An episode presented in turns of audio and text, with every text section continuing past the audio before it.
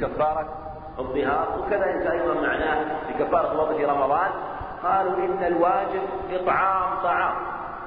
وقلت عليه فإطعام ستين مسكينا المعنى ليس المعنى أن الواحد يطعم ستين مسكين لا. المعنى إطعام طعام ستين مسكين إطعام طعام ستين مسكين. يعني أنك تخرج مقدار ما يكفي ستين سواء كان لواحد أو لستين.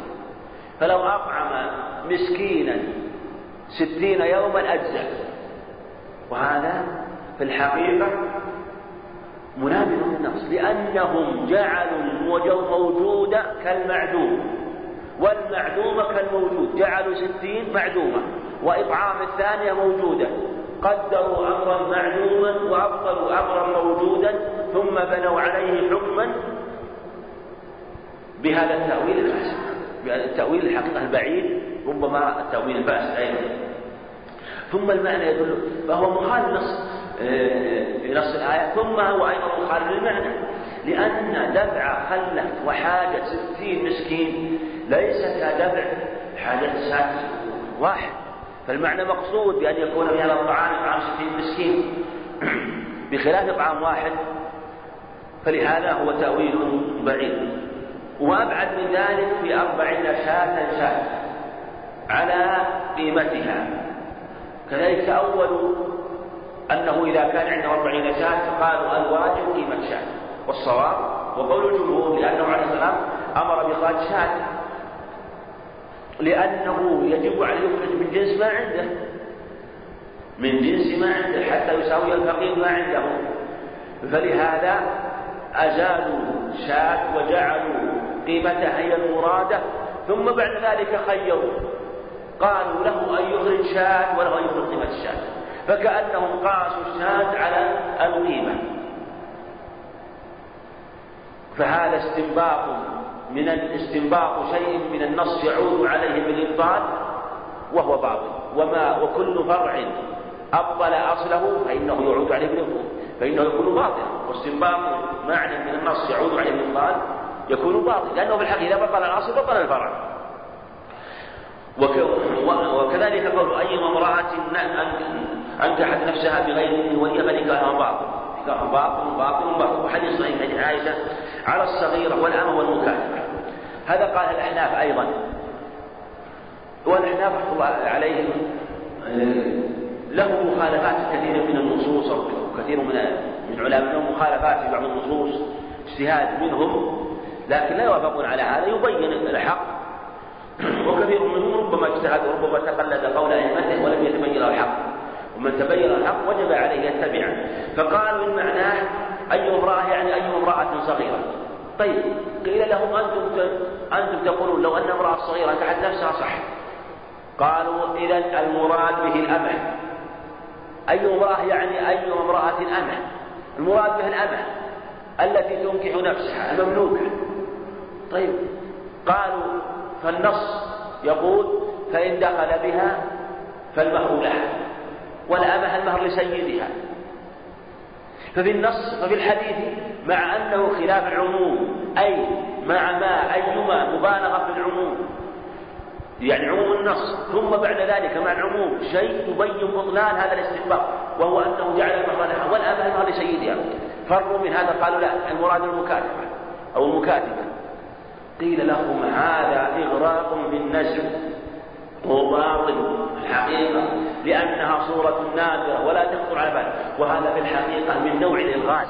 كيف الشارع الحكيم الذي أوتي الفصاحة والبيان والنصح فيهما يكون معنى قول أيما امرأة يعني أيما امرأة أنا أو أيما امرأة مكاتبة في الحقيقة هذا نوع من العلم وعدم البيان.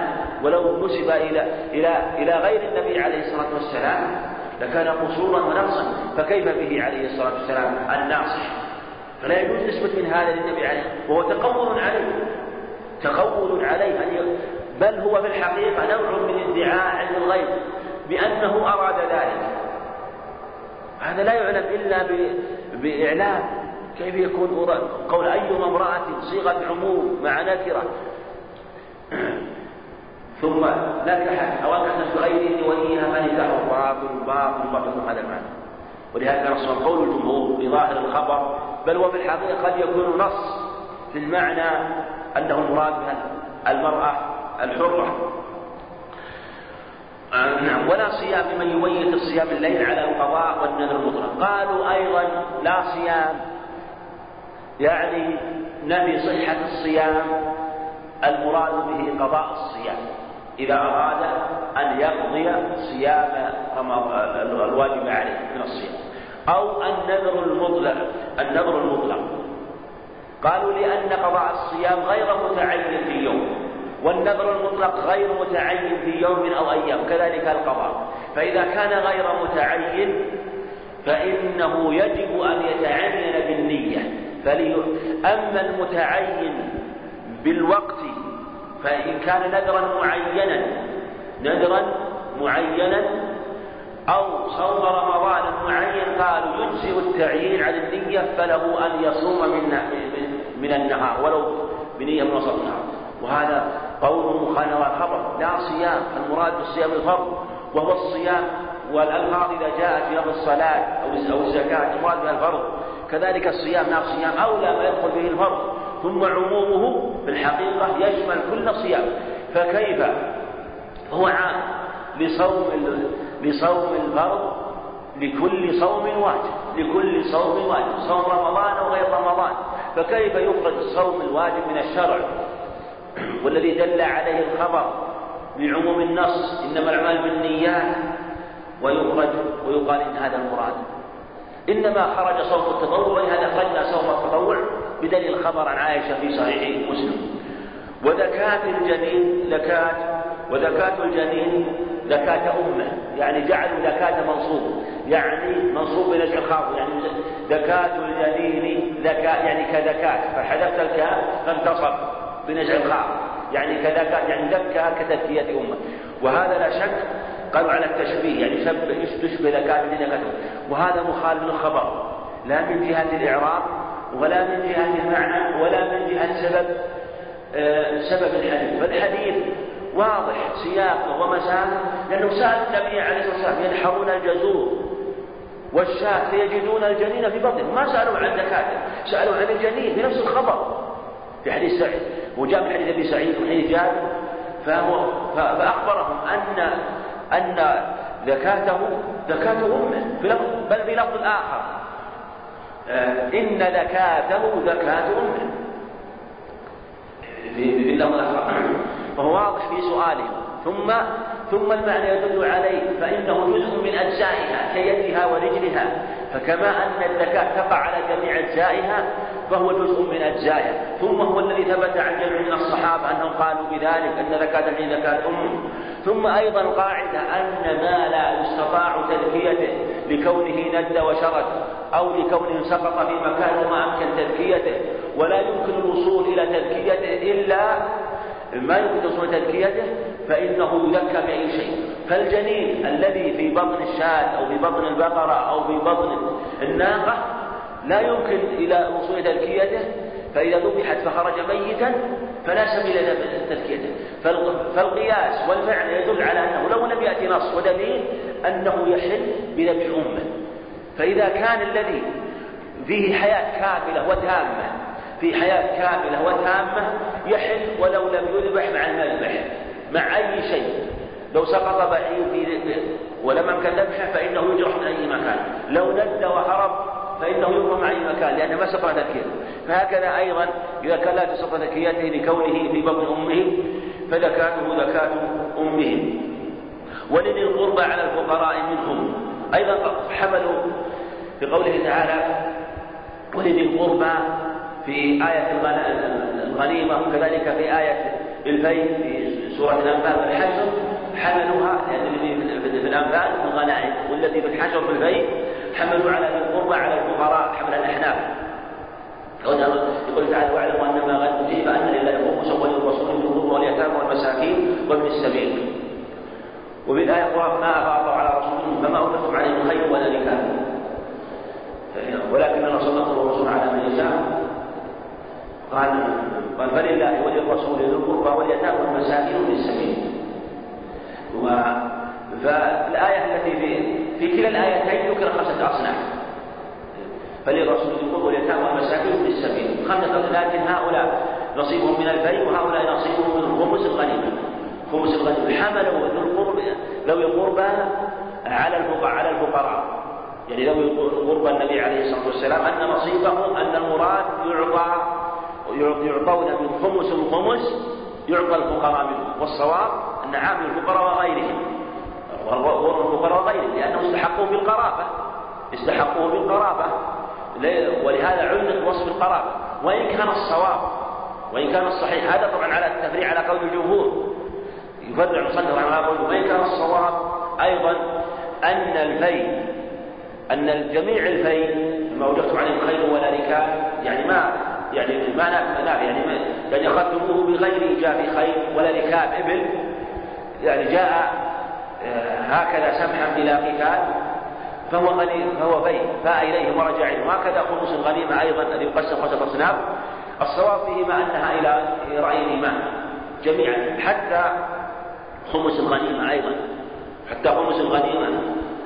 ولا وليس واجب أن يقسم خمسة أصناف القربى واليتامى والمساكين في السبيل لكن يراعى في ذلك الأصح. فإن كان في وقت حاجة الفقراء يقضى أشد يعطون وإن كان حاجة القربى يعطون وربما صرف للمصالح ولهذا أبو بكر وعمر رضي الله عنهم لم يكونوا يتحرون في خمس الغنيمة أن توزع خمسة أصناف ولم يعرف أنهم كانوا يقسمون الخمس خمسة أصناف خمس للرسول عليه الصلاة والسلام والأئمة بعده وخمس القربى وخمس لليتامى وخمس للمساكين وخمس للسبيل لم يكن يعرف أنهم يقسمون الخمس إلى خمسة أقسام. ولهذا الصواب مذهب مالك رحمه الله اختيار تقي الدين أنه يصرف بالمصالح كالفيء وهكذا جاء عن ابي بكر رضي الله عنه وعن عمر انه في الفيء صنع فيما كان يصنع به النبي عليه الصلاه والسلام. ربما صرف لمصالح المسلمين وربما صرف للفقراء. فينظر فيه بما هو الاصلح لكن قصد من هذا أن تخصيص الفقراء منهم لا دليل عليه. كذلك والمالكي والشافعي من ملك ذا رحم محرم فهو حر على عمودي نسبه وهذا قد يقال محرم ويقال محرم. وهذا حديث رواه الترمذي رواه الترمذي حديث ابن عمر بن الحسن عن سمرة ورواه النسائي بن ماجه من حديث ابن عمر. وحديث جيد مجموع الطريقين. وإن علم من على حديث ابن عمر حديث ابن عمر علوه بالوهم والخطأ وهو الصحيح أن راويه جيد فهو مقوي لحديث سمرة. من ملك ذا رحم محرم. والمحرم من لا يحل نكاح من الأب والأخ والعم والخال. في حق المرأة وكذلك العمة والخالة والأب والابن في حق الأنثى. فالمالكية والشافعية حملوه على الأصول على الأصول والفروع. قالوا إن من ملك أباه من ملك ابنه من ملك أمه من ملك بنته من ملكت أباها من ملكت أمها من ملكت بنتها من ملكت ابنها قال حملوه على الأصول والفروع. قال من ملك ذا رحم محرم فإنه آه، فإنه محمول على عمودي نسبه قالوا حملوه على الفروع مع مالك ألحق بال لا يخص بال آه، بالأصول والفصول بل يلحق معه من الحواشي يلحق الإخوة يلحق الإخوة. ولهذا بدا أحمد رحمه الله على عموم الحديث قال رحم محرم. كل من حرم نكاحه فإنه يدخل في هذا الحديث سواء كان أخا أو عما. أو خالا أو عمة أو خالة فهو شامل لكل رحم محرم فهو علق بالمحرم. فلا فعلى هذا من لم يكن محرم مثل ابن عم ابن بنت العمة بالنسبة للرجل ابن العم بالنسبة للمرأة ابن الخال بالنسبة للأنثى بنت الخالة بالنسبة للذكر ابنة العمة هكذا. فالمقصود أنه خاص بالرحم المحرم. بالأصول والفروع والإخوة والإخوة هكذا غيرهم ممن يحرم نكاحه ممن يحرم نكاحه هذا هو الصحيح. ثم يدل عليه أن الرسول قال من ملك ذا رحم محرم. فكيف يقال من ملك ذا رحم محرم بالأصول والفروع. هذا في الحقيقة نوع قصور بالنص لو أراد هذا لبين عليه الصلاة والسلام. بل علق بأمر عام. فكيف نخصص هذا العموم بغير دليل عما من رحم المحرم وهذا يدل على أن أراد هذا المعنى. من ملك ذا رحم محرم بل هو في الحقيقة لو قصر على على الفسوق والفروع لكان فيه نوع تقصير بالنص لأن الأصول والفروع أعلى من الرحم المحرم أما الرحم المحرم فإنه شامل لهم ولغيرهم فهو أراد العموم الذي هم يدخلون الأصول والفروع يدخلون فيه من باب أولى ويدخل فيه غيرهم آه، ممن كان محرما من كان محرما. فيشترط في الرحم القرابة والمحرمية. إذا من كان آه، محرما يعني محرما وقريبا محرما وقريبا. أما لو كان محرما وليس قريبا فلا يدخل. مثل الأخذ بالرضاعة الأخذ بالرضاعة فلا يدخل. فيشترط فيه أن يكون محرما وقريبا. فإذا كان محرما وقريبا فإنه داخل في هذا النص. وأيضا من من التأويل أيضا البعيدة أيضا ما تأوله الحنابلة أيضا المصنف رحمه الله أيضا لو ذكر وهذا أيضا من العدل. ما تأوله الحنابلة في بعض النصوص. فإنه أيضا لا يقبل. مثل ذلك قوله عليه الصلاة والسلام فإن غم عليكم فاقدروا له قدره. فإن غم فإن غم عليكم فاقدروا له قدره. قالوا فاقدروا له قدره المعنى ضيقوا. ضيقوا. واجعلوه تسعة واجعلوه تسعة وعشرين يوما. فأمر يجعلوه يجعلوه تسعة وعشرين يوما يعني شهر شعبان. وهذا تأويل بعيد في الحقيقة. معنى ضيقوا اجعلوا هكذا. يقدروا القدر يضيقوه والصواب لأنهم لأنهم يجوزون صوم الشك. واختلف هل هو مباح أو مستحب أو واجب أو مكروه أو محرم المذهب على خمس روايات. وإن كان معتمد عند بعضهم أنه مباح صوم أو مستحب ليس بواجب. لكن هذا تأويل بعيد لأنه جاء النص الدليل الآخر قال فأكملوا عدة شعبان ثلاثين يوما. فعلى هذا كل تأويل يكون بعيدا أو يخالف ظاهر النص بلا دليل فإنه لا يقبل ويؤخذ بظاهر النص. والله أعلم وصلى الله على نبينا محمد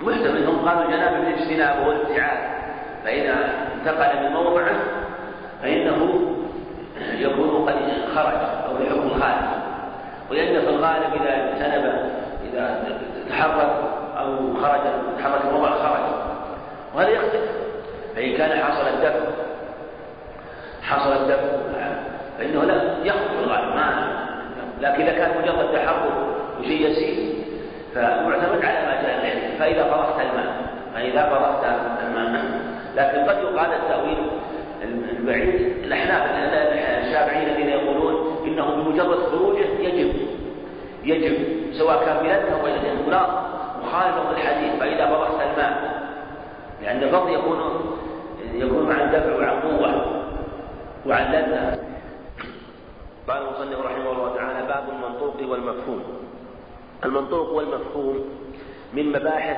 دلالات الألفاظ وهم يذكرونه في هذا الموضع لأنه له علاقة بهذه المباحث بالعام والخاص والمطلق والمقيد والمجمل والمبين. ويذكرون بعض مباحث في القياس لأن لها علاقة بالقياس. قال الدلالة تنقسم إلى منطوق وهو ما دل عليه لفظ في محل نطق أو في محل النطق. إذا دل اللفظ على الشيء بما إذا كانت دلالته في محل النطق يسمى منطوق. مثل غالب أوامر الشرع التي تكون مثل ما يقول هذا نص. هذا صريح هذا ظاهر. دل في موضع النطق. في الأمر بالصلاة الأمر بالزكاة. دلالته واضحة وبالأمر بذلك. مثل الأمر مثلا بالزكاة مثلا في الإبل السائبة. هذا منطوق بأن فيها السائبة الزكاة. فما دل في محل النطق. يعني يفهم من نفس اللفظ فإنه يكون يسمى منطوقا. فإن وضع له فصريح يعني يكون دلالته بالوضع. يسموه دلالة وضع دلالة مطابقة أو دلالة تضمن. فإنه يكون تكون دلالته دلالة المنطوق الصريح. وإن لزم عنه عنه فغيره يعني كان كان منطوق دلالته غير غير تكون دلالته غير صريحة لكنه داخل في باب المنطوق حيث أنه لزم من المنطوق هذه الدلالة.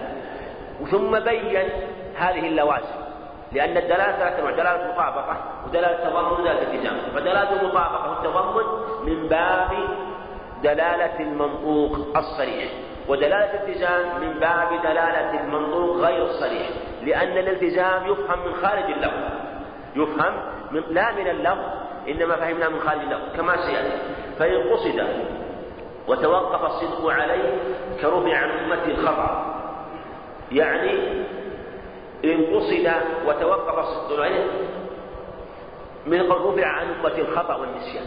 هذا دلالته على ما سيق له المراد رفع حكم الخطأ. هل كلمة حكم الخطأ موجودة ولا غير موجودة؟ ليست موجودة. ليس منطوقا بها إنما فهمناها. فهمناها من ماذا؟ من النص. وهي لازمة ومقصودة ولأن قصد هذا الشيء. ويتوقف صدق عيش من يتوقف؟ لأن قولك رفع لأن قوله عليه الصلاة والسلام رفع عن أمة الخطأ والنسيان هل الخطأ مرفوع والنسيان مرفوع عنه ولا واقع في الأمة؟ واقع. وهذا واقع حتى. فالخطأ والنسيان واقع باتفاق أهل العلم. فهو الحقيقة يتوقف صدق اللفظ على تقدير أمر نفهمه من اللفظ من هذا اللفظ. وهو في الحقيقة يجعلونه من باب الدلالة المنطوق غير الصريحة فمعنى رفع عن أمتي يعني رفع حكم الخطأ. وهذا مقصود للشارع حينما تلفظ بها ثم هو يتوقف صدق اللفظ عليه. إذ لم لو لم نقدره لم يصح هذا الكلام. إذا هذا هو الأول من دلالة الإجزاء أو الصحة عقلا كاسأل القرية قالوا إن هذا هو ضرب هذا المثال جريا على ما ذكره الأصوليون والبلاغيون قول اسأل القرية يعني مقصود اسأل أهل القرية لأن القرية تسأل. مع أن سبق مع بعض الباحث أن هذا الم... هذا المثال على ظاهره وهو في الحقيقة قد يكون من باب دلالة المنطوق الصريح. ليس من باب غير الصريح. لكن هو يمثل به لأن اسأل القرية هو في الحقيقة لا تكون قرية إلا من التقري والاجتماع. إذ لو كانت مباني مهجورة فهي في الحقيقة ليست قرية. فلا تكون قرية إلا إذا كان فيها قوم. فسمي قرية من التقري وهي الاجتماع أو أنه يقال اسأل القرية بمعنى أنه يقدر لنبي أن أن النبي يسأل القرية هذه المباني وتجيب. لكن هذا يعني تقدير فيه نظر والأول أصح. والمصنف رحمه الله ساقه للتمثيل أو شرعا يعني توقف الصدق عليه شرعا. كأعتق عبدك عني فدلالة اقتضاء. كأعتق عبدك عني. إذا قال إنسان لإنسان أعتق عبدك عني. تصدق بسيارتك عني. تصدق ببيتك عني. مثلا آه هذا هو بالحقيقة قصد بذلك أن يعني أن يحصل ملك للآمر ثم بعد ذلك تصدق من المأمور. تصدق من المأمور. إلا إذا كان المقصود أنك وهو من السياق أنه أراد أراد بذلك أنك أنك تجعل ثوابه لي أو هذا شيء آخر. لكن هم يريدون بذلك حينما يريد إنسان الصدقة ببيت الصدقة مع بنوك الصدقة مثلا بسيارة تصدق بسيارتك تصدق ببيتك تصدق بأرضك تصدق بهذا المال عني هذا المال الذي تملكه عني. فالإنسان لا يملك مال غيره ولا يجوز له أن يستولي على ما غيره. فالمعنى بعني هذا البيت بكذا من الريالات بعني هذه السيارة ثم وكلتك بالصدقة. بعني هذا الكتاب.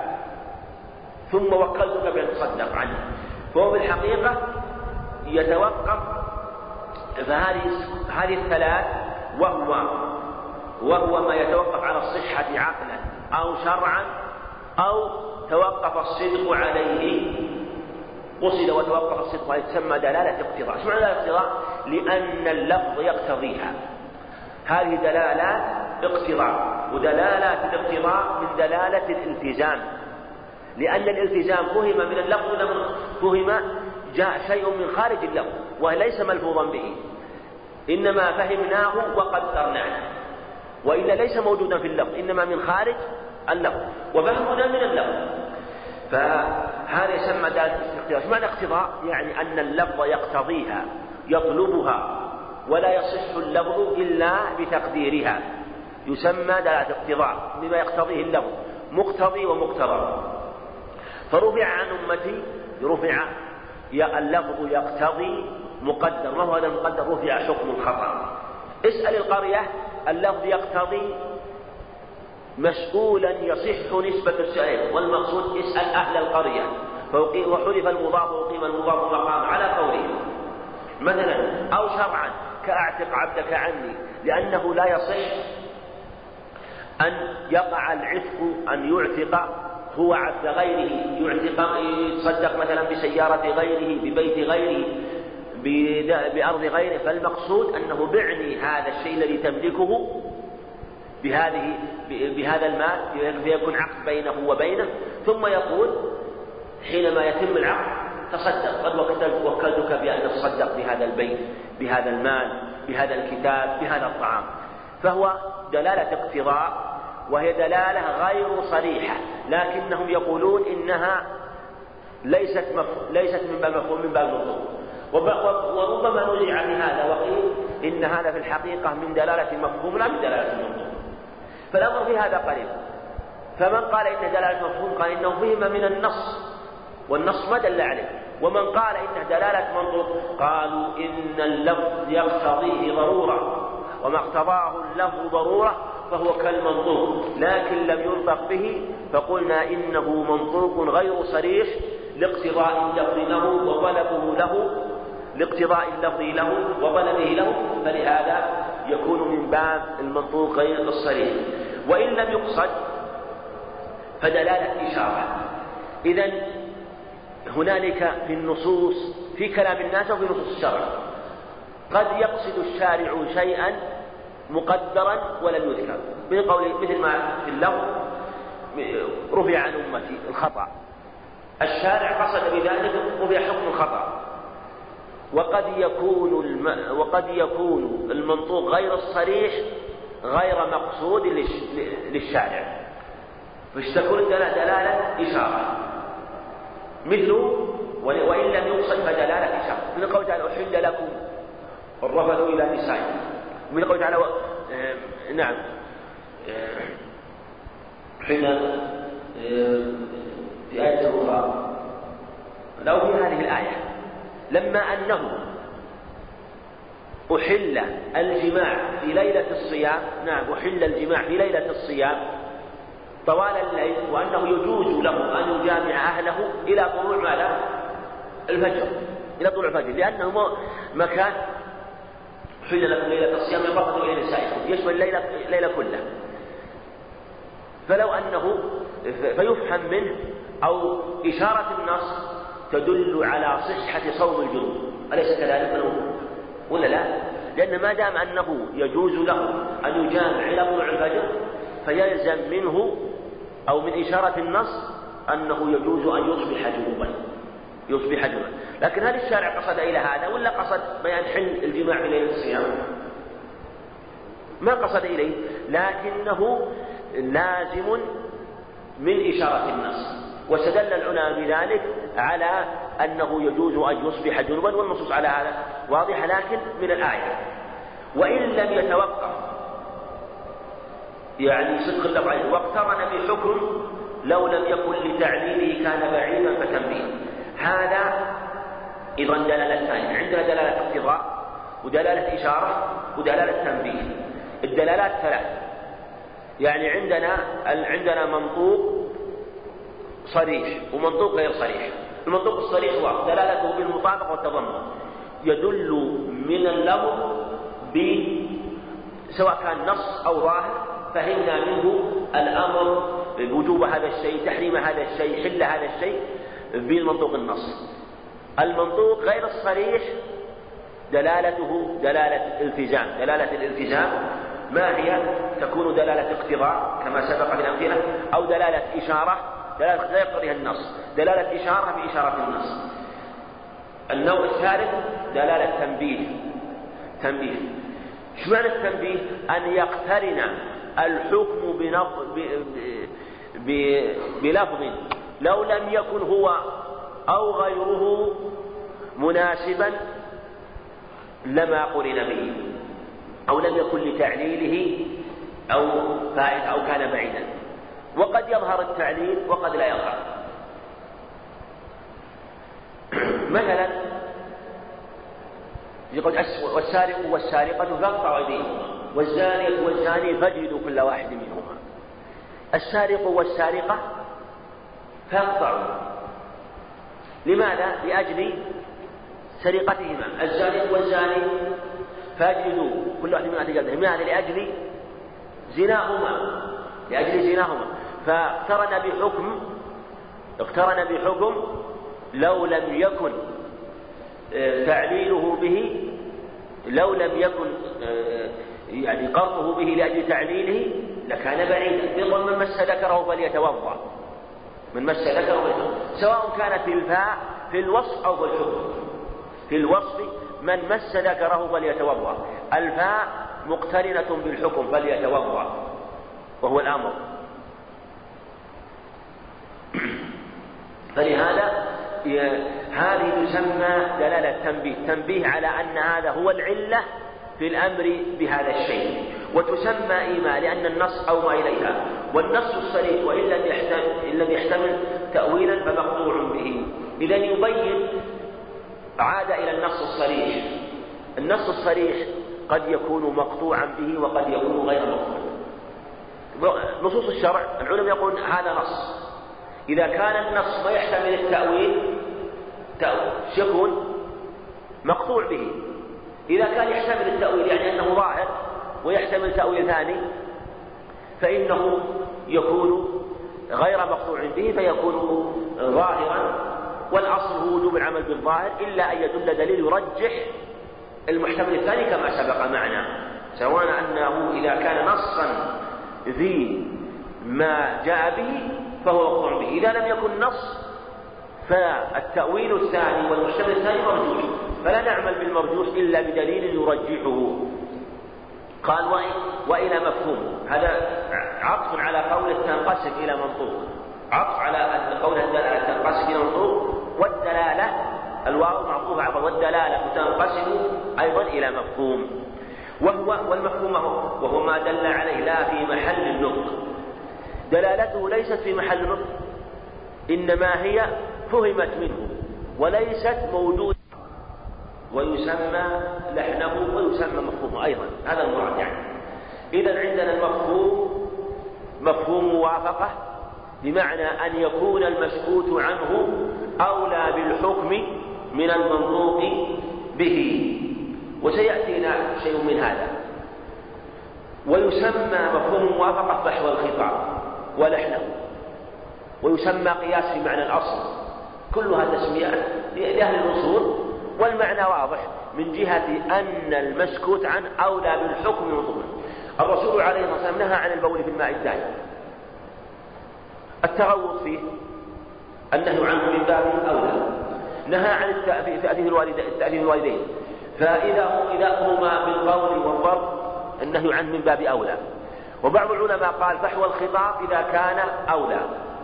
ولحمه إذا كان مساويا.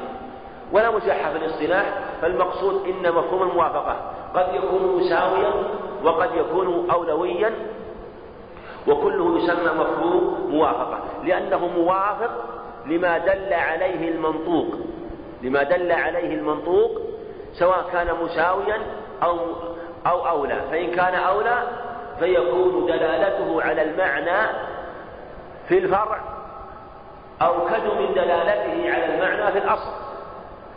وشرطه وشرطه فهم المعنى في محل نظر هذا واضح. لا بد أن نفهم المعنى. قل ولا تقل لهما أف. العلة وش الإيذاء لا بد نفهم معنى العلة. لا بد نفهم المعنى في الأصل. وإلا كيف يكون مفهوم موافقة أولى أو مساوي ونحن ما فهمنا النهي عن القول بالداء لأجل التقدير. النهي عن أكل إن الذين يأكلون أموال اليتامى إنما يأكلون في بطونهم نارا وسيصلون سعيرا لأجل الإتلاف. فإذا فهمنا أنه لأجل الإتلاف فالنهي عن التحريم أو التغليظ في معناه فإذا فهمناه ألحقناه به سواء كان مفهوم موافقة أو مفهوما مساويا. قال وشرطه فهم المعنى في محل منه وأنه أولى أو مساوي كما سبق أو مساوي وهو حجة. وهذا باتفاق أهل العلم. أنه حجة ودلالته لفظية فهمت من السياق والقرائن. عندنا مسألتان. أن أولا أن مفهوم الموافقة حجة وحكي الاتفاق عليه. لأنه في الحقيقة من باب إما أن يكون مساويا أو أولى. وهذه موجود في كلام كلام الشارع وفي كلام الناس أن الإنسان ينهى عن شيء أو يأمر بشيء وتكون ويكون هذا المعنى موجودا في غيره فيؤمر به أو ينهى عنه لوجود العلة إما أنها مساوية أو من باب أولى. لكن هل دلالته لفظية أو معنوية؟ هل دلالته من باب اللفظ فيكون ملحقا بدلالة الألفاظ أو من باب المعنى فيكون أولى بباب القياس؟ اختلف العلماء. بعضهم أنه قال ملحق بباب القياس. وقال بعضهم كمصنف دلالة لفظية فهمت من السياق والقرائن. هذا هو الأرقى والصواب. أن دلالته في الحقيقة لفظية. ففي قوله تعالى ولا تقل لهم أوف والنهي عن أكل مع أموال اليتامى والنهي وما أشبه ذلك. إذا نهى إذا نهى فالنهي عن إيذائهم بالضرب. في الحقيقة دلالته هل تحتاج إلى تأمل وفكر؟ وإلا يسبق إلى الذهن مباشرة أن أن الإيذاء بالسب والشتم والضرب من باب أولى. أليس كذلك؟ يسبق إلى الذهن مباشرة. أليس يسبق إلى الذهن مباشرة؟ أن الذي يحرق مال اليتيم أولى بالذنب من الذي يأكله. أليس كذلك؟ الذي يأكله انتفع لكن الذي يحرقه في الحقيقة فساد. ليس فيه أي نفع ولا مصلحة. لا له ولا غيره بل فساد له ولغيره. فلهذا نقول يسبق إلى الذهن مباشرة. وما كان يسبق إلى الذهن مباشرة ولم نحتاج إلى نظر وتأمل فإنه في هذه الحقيقة يكون دلالة لفظية. لأنه لو كان دلالة قياسية أو معنى احتجنا إلى أن نحتاج إلى الأصل والفرع والعلة ثم الحكم. ونحن في هذه الحقيقة لا نحتاج إلى أن نقول مثلا العلة في النهي عن العلة مثلا في النهي عن أكل مال اليتامى العلة هو الإتلاف أولا ننظر العلة هي الإتلاف ثم الأصل عندنا هو الأكل. الفرق هو الإحرام. الحكم هو التحريم النهي عن في النهي عن التأثير للوالدين. العلة هو الإيذاء. الأصل هو التأثير الفرع هو الضرب. الحكم هو التحريم لو كان والمصنف رحمه الله ذكر هذا وذكر أن بعضهم جعله قياسا وجعله له أصلا وفرعا لأنه يلزم عليه أن نجعل أصل وهو الإيذاء وفرع. ونجعل أصل وهو التأثير وفرع وهو الضرب مثلا بحق الوالدين. وعلة وهي الإيذاء والحكم والتحريم. هذا هو القياس. أصل وفرع وعلة وحكم. مثلا في أكل أموال اليتامى عندنا أصل وهو وهو اسمه؟ وهو الأكل. وفرع وهو التحريق العلة ما هي الإتلاف الحكم والتحريم. هل نحتاج إلى هذه الأشياء وننظر ونجزم؟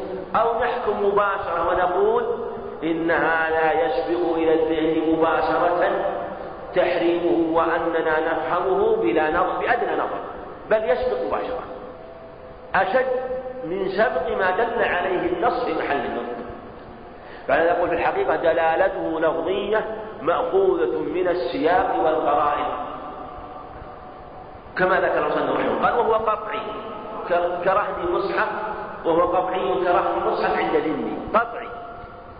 القياس قطعي المفهوم الموافقة يكون قطعيا. المصنف رحمه الله ذكر رهن المصحف وإن كانت الأمثلة كثيرة لكن لأن أحمد رحمه الله سئل عن هذه المسألة. لأن الرسول عليه الصلاة والسلام نهى عن أن يسافر بالقرآن إلى أرض العدو. فسئل عن رهن المصحف عند الذمي. ف... فمنع من ذلك. فإذا كان نهى عن أن يسافر بالقرآن إلى أرض العدو وعلل في مخافة أن تناله أيديهم يعني فالعلة هو أن يمسكوه وأن تناله دين.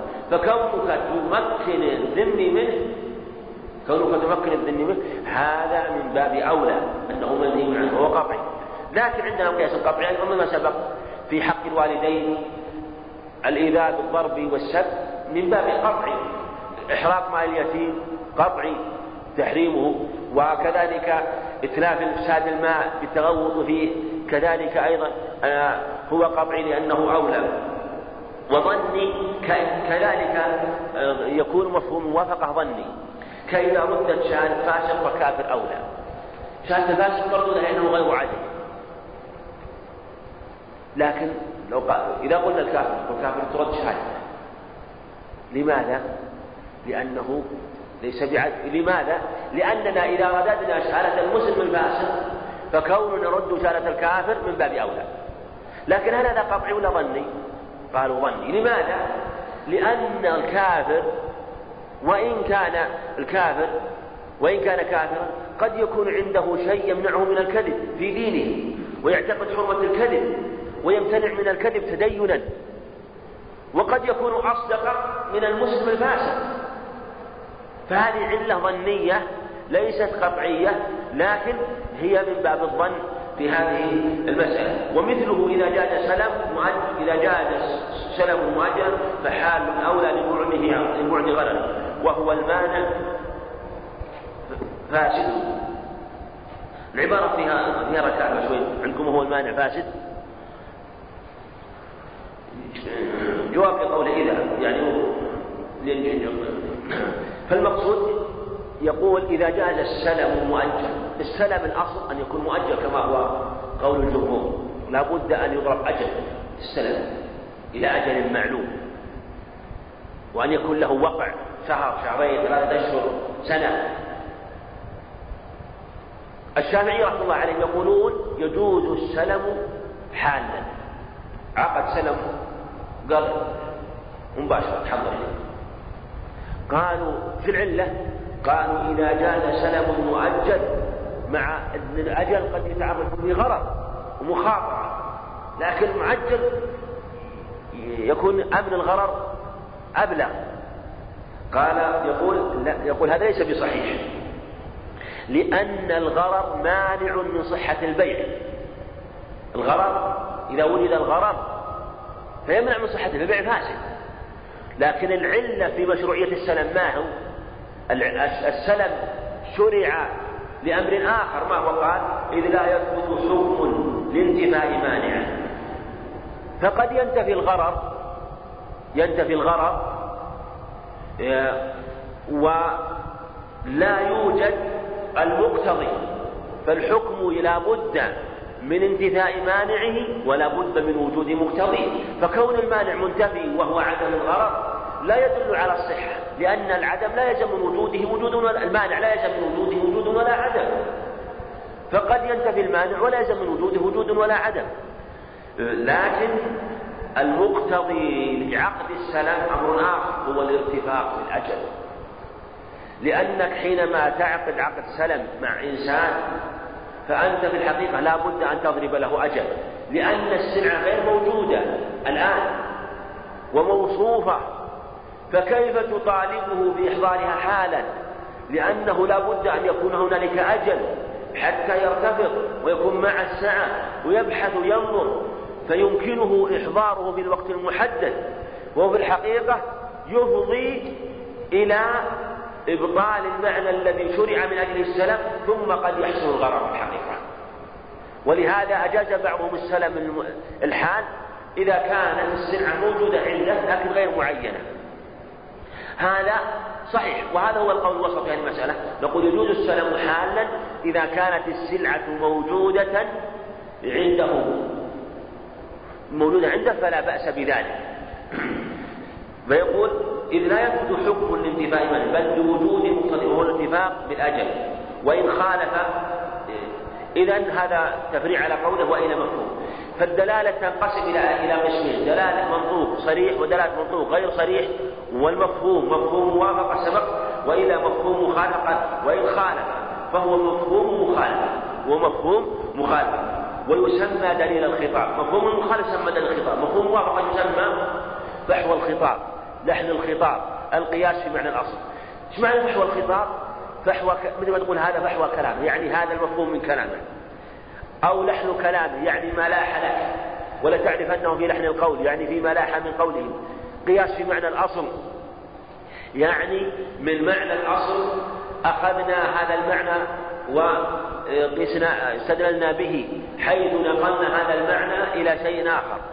أما مفهوم موافق يسمى دليل الخطاب لأنه أخذ من الدليل الذي استدل به الذي ساقه وهو هذا المفهوم. فهو إثبات خلاف حكم المسكوت خلاف حكم المطلوب وهو مفهوم المخالفة.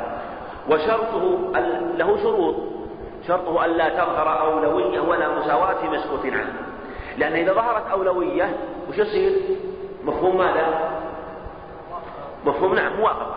أو مس أو أو مساواة أيضا مفهوم موافقة. لأن المفهوم موافقة إما أن يكون أولى أو مساوي هو مفهوم موافقة. ولا خرج مخرج الغالب فلا يعود.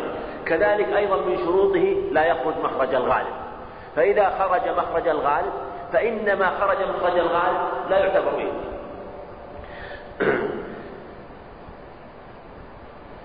وهو هنالك أمثلة على هذا. آه، فما كان يسبق مع إلى الذهن ويذكر معه وخرج مخرج الغالب قالوا لا مفهوم له. ما قالوا لا مفهوم له. مثل الربيبة وربائبكم التي في حجوركم. تقييد بالحجر لأن الغالب أن بنت زوجته تكون في حجر في في حجره فتكون عند أمها وفي حجر زوجها. زوج أمها فلهذا التقييد بالحجر قالوا لا مفهوم له. ولهذا قال ولهذا قال فإن لم تكونوا دخلتم منه فلا جناح عليه. ذكر القيد هنا ولم يذكر القيد وإن لم يكن في حجوركم. فلو فسواء كانت في حجره أو لم تكن في حجره إذا دخل بأمها حرمت عليه. وهنالك رواية عنه رضي الله عنه أنه أباحها إذا لم تكن في حجره لكن الصواب هو قول الجمهور وهو وظاهر من الآية في قوله تعالى فإن لم تكونوا دخلتم منه فما خرج مخرج الغالب في هذا المثال وفي غيره آه، فإنه لا مفهوم له ولا مخرج التفخيم ولا جواب جوابا لسؤال. كذلك إذا خرج مخرج التفخيم بقوله تعالى آه، لا يحل امرأة تؤمن بالله ولا تخرج مسيرة يوم إلا مع المحرم. لأن هذا في الغالب لا يبتكره إلا المرأة المؤمنة. فقالوا إن هذا أمر لازم للمسلمة ولغيرها ولأن إنما ذكر الإيمان من باب الحث والحظ عليه وتفخيم أمر الإيمان وأن الذي يلتزم به أهل, أهل, أهل الإيمان. كذلك إذا يخرج جوابا لسائل فلو أن سائلا سأل مثلا هل في السائمة زكاة؟ فقيل له في السائمة زكاة. لا يفهم منه أن المعلوفة لا زكاة فيها. يعني هذا قصد في كجواب سؤال يعني من باب التمثيل. وإلا المعلوفة لا زكاة فيها. مثلا. مثلا لو قال إنسان لو سألنا إنسان قال هل يجوز أن أصلي بين الأذان بين المغرب والعشاء؟ قل نعم. لا يفهم منه لا يجوز لا يجوز يتنفل في غير هذا الوقت. لأنه خرج جوابا لسؤال. فلا يفهم منه فما خرج مخرج السؤال لا مفهوم له ولا لزيادة امتنان ولا لزيادة امتنان امتنان. فإذا كان لأجل الامتنان والمنة بهذا الشيء فلا مفهوم له. يقول تعالى هو الذي سخركم البحر تأكلوا منه لحما طريا. هو لحما طريا امتنان بأنه لحم طري. ويجوز أكله ولو كان قديما ولو كان يابسا. لكن ما خرج مخرج